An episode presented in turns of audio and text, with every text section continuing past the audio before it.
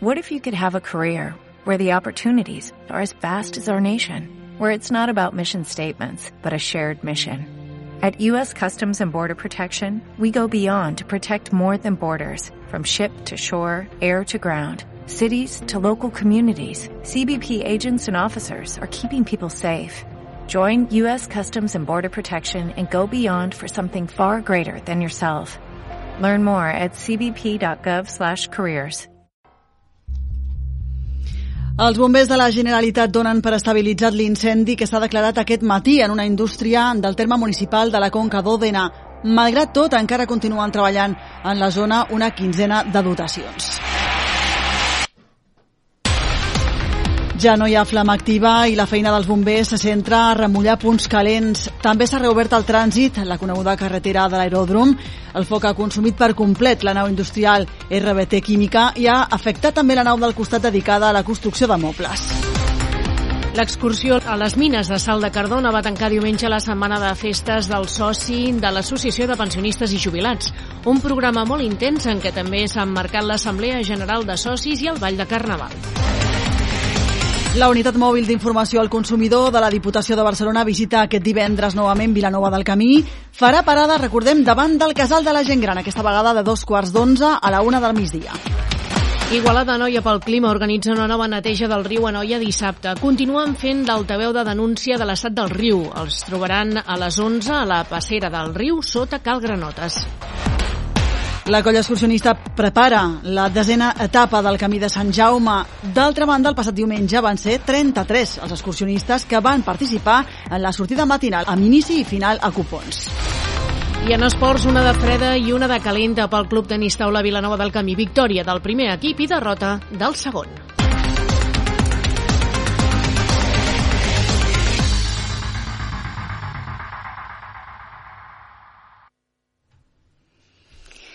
Els bombers de la Generalitat donen per estabilitzat l'incendi que s'ha declarat aquest matí en una indústria del terme municipal de la Conca d'Òdena. Malgrat que encara continuen treballant una quinzena de dotacions, ja no hi ha flama activa i la feina dels bombers se centra a remullar punts calents. També s'ha reobert el trànsit a la coneguda carretera de l'aeròdrom Marissa. Doncs si l'incendi, que s'ha comunicat cap a tres quarts de set del matí, ha cremat sencera una nau amb productes per elaborar sabó i afecta també una part de la nau del costat que es dedica a la fabricació de mobles.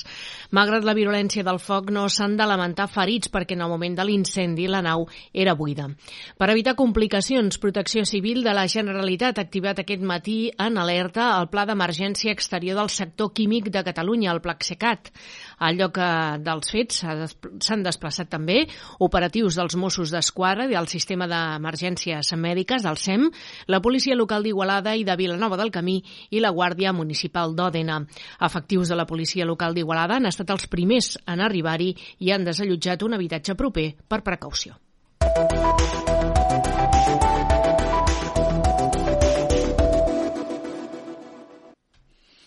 L'excursió a les mines de la Sal de Cardona va tancar diumenge la setmana de les festes del soci de l'Associació de Pensionistes i Jubilats de Vilanova del Camí. Un programa d'activitats molt intens en què també s'ha marcat l'Assemblea General de Socis i el Ball de Carnaval.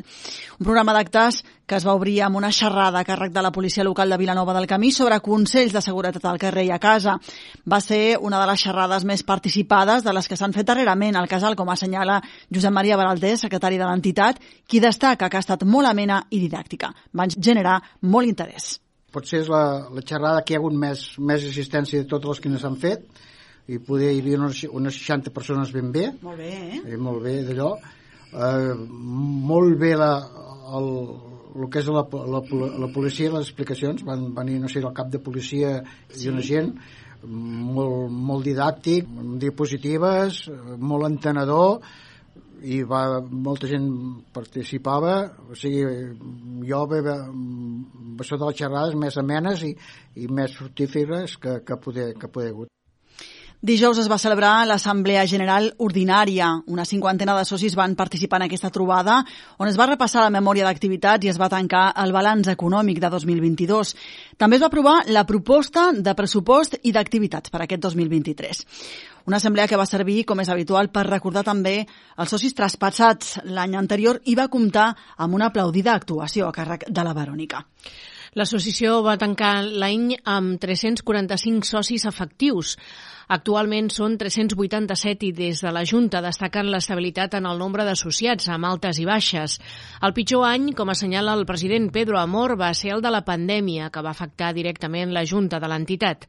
Ara la conformen sis persones que, segons el president, treballen plegades braç a braç. Un año malo, ha hizo un estrago, se nos fueron cuatro compañeros con esto de la pandemia y éramos nueve y hemos quedado pues, seis.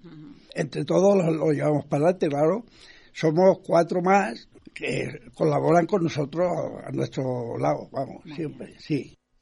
L'assemblea, com destaca el secretari Josep Maria Baraldés, és l'acte més compromès de l'any, però es van poder tirar endavant tots els temes previstos.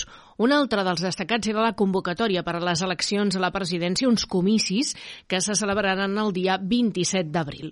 Les eleccions a la Junta del Casal se celebren cada quatre anys i per tradició Vilanova del Camí es fa coincidir amb les eleccions municipals. Tot i que normalment es feien a la tardor, aquesta vegada les han passat a la primavera perquè celebraran la setmana Setmana de la Gent Gran coincidint amb l'1 d'octubre. Aquest canvi, segons Baraldés, és beneficiós perquè permet convocar les eleccions en el marc de l'Assemblea i es fa més difusió del procés. A més, quan es formalitzi el nou consistori, després de les eleccions municipals, ja estarà constituïda la nova Junta de l'Associació. Hem guanyat amb això. Hem guanyat que amb l'Assemblea podem convocar les eleccions però que així la gent se n'assabenta se n'assabenta més d'allò convoquem l'assemblea Tenim previst les votacions el 27 d'abril, o sigui, hi ha tot un procés electoral del dia 16 fins al 27, sí. que si constitució de la mesa, presentació de candidats... I llavors, quan ja entra, entri l'Ajuntament nou, nosaltres realment ja, estarem, ja estem formats. L'actual president Pedro Amor assegura que té previst presentar-se a les eleccions perquè, com diu, encara es troba amb forces de continuar portant el seu temps a l'entitat. Un año más, eh, todavía me siento capaz de ayudar a los compañeros que tengamos, que cojamos y, y bueno, y hacer por los demás lo que sea. Eh, todavía estoy con energía. El cap de setmana de la Festa del Soci també ha estat molt reeixit. Dissabte, una setantena de socis i una vintena més de persones disfressades van concórrer al ball al concurs de Carnaval. Les regidores Laura Pavón i Susana Gutiérrez, així com dos col·laboradors de l'associació, el Felipe i la Carme, van lliurar els premis a les millors disfresses per a una cíngara, uns hippies i una balladora de Charleston com a guanyadors. I l'endemà, un autocar amb 50 persones van fer una sortida per descobrir les mines de la Sal de Cardona amb una visita guiada.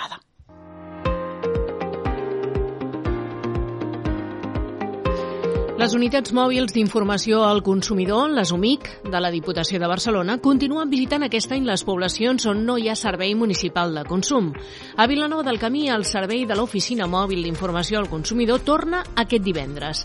La unitat mòbil s'ubicarà davant del Casal de la Gent Gran de dos quarts d'onze a la una del migdia. El servei que ofereixen les UMIC està destinada als ajuntaments, com dèiem, que no disposen d'aquests serveis municipals.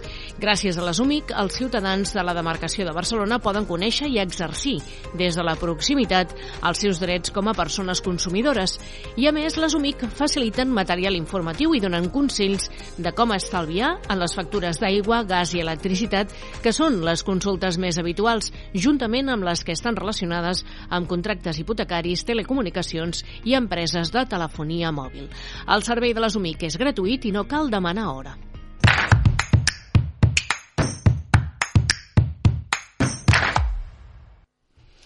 Igualada no hi ha pel clima organitzar una nova neteja al riu el pròxim dissabte per continuar fent d'altaveu de denúncia del mal estat del riu per la brutícia que s'hi acumula. Segons expliquen des de l'entitat, les últimes pluges han arrossegat un cop més molta brossa i especialment tovalloletes que resten enganxades entre el canyissar i la flora autòctona del riu, ja que tot el que s'ha llançat de manera incorrecta al vàter acaba arribant-hi. Tot el que s'aconsegueixi treure no arribarà al mar, evitant afectacions de flora i fauna, recorden des del col·lectiu. I també tornen a aprofitar per recordar que les tovalloletes no són biodegradables, per més que ho diguin els envasos. estan fetes de plàstic, per la qual cosa mai s'han de llançar pel vàter. El lloc de trobada per iniciar aquesta activitat serà la passera del riu, sota Cal Granotes, a les 11 del matí, i faran diferents tasques de neteja fins a la una del migdia. Des de l'organització recomanen dur guants i, a ser possible, també botes.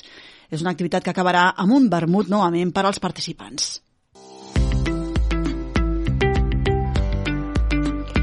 La colla excursionista es prepara per fer la desena etapa del Camí de Sant Jaume Osona Bages. Serà el diumenge 5 de març. Aniran des de l'Estany a Artés. Es tracta d'un tram poc freqüentat amb un paisatge ple de boscos de roures i alzines que els assegura una passejada enmig del silenci o dels sons de la natura. Sortiran amb autocar al lloc habitual a dos quarts de set del matí i tornaran cap a dos quarts de sis de la tarda. Des de l'entitat recorden que cal portar les credencials del camí per segellar. Qui no en tingui les pot demanar el mateix dia de fer la inscripció per la sortida. Recordem que aquestes inscripcions es poden fer pels canals habituals, telèfon i WhatsApp i correu electrònic electrònic. També es poden fer el dijous de la setmana de la sortida de 7 a 2 quarts de 9 del vespre al carrer Montserrat 28, al restaurant 9 de Vilanova del Camí. D'altra banda, el passat diumenge van ser 33 els excursionistes que van participar en la sortida matinal amb inici i final a cupons. Es van trobar amb un paisatge i un clima més aviat primaveral, amb camps blancs al matí i màniga curta al migdia. Una caminada que els va permetre passar per Sant Pere de Copons i veure la capella de Sant Pere, que formava part de l'antic terme del castell de Copons, a l'indret conegut com a Comalats. Poc després van agafar la carena fins a arribar a dalt de tot de la Serra Morena, des d'on van poder observar a l'esquerra Montserrat i a la dreta la Serra Morena. I a mig camí es van desviar per fer cap al Pi del Quildo, un arbre centenari del terme de Copons un exemplar de pi força peculiar dins de la seva espècie, donades les grans dimensions que presenta, amb una alçada aproximada d'uns 13 metres, amb un diàmetre de copa d'uns 4 o 5 metres. Des d'aquesta zona s'observen unes grans vistes de l'altiplà Sagarrenc. I de tornada també van passejar pels horts i van poder visitar el Gorg del Nafra. Des de l'entitat han donat les gràcies als companys de la colla, Teresa Feliu i Anna Piernes, per aquesta caminada matinal.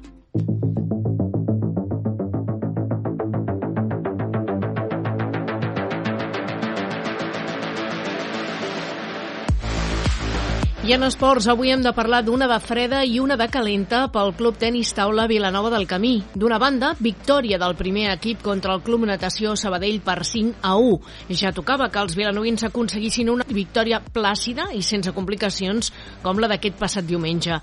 El Sabadell, amb un parell de jugadors joves i un veterà, mai van posar en destret els palistes del Vilanova, excepte en el partit que es va perdre. Cal destacar l'actuació de David Sala, que segueix amb la seva bona ratxa de victòries. I d'altra banda, derrota de l'equip de segona per 2 a 4 contra el Prat, un dels primers de la taula. Es podria dir que entrava dins els càlculs. El Prat es va presentar a Vilanova amb dos jugadors que no van jugar en el partit d'anada, però que han estat els encarregats de pujar l'equip, ja que són molt sòlids amb un bon joc.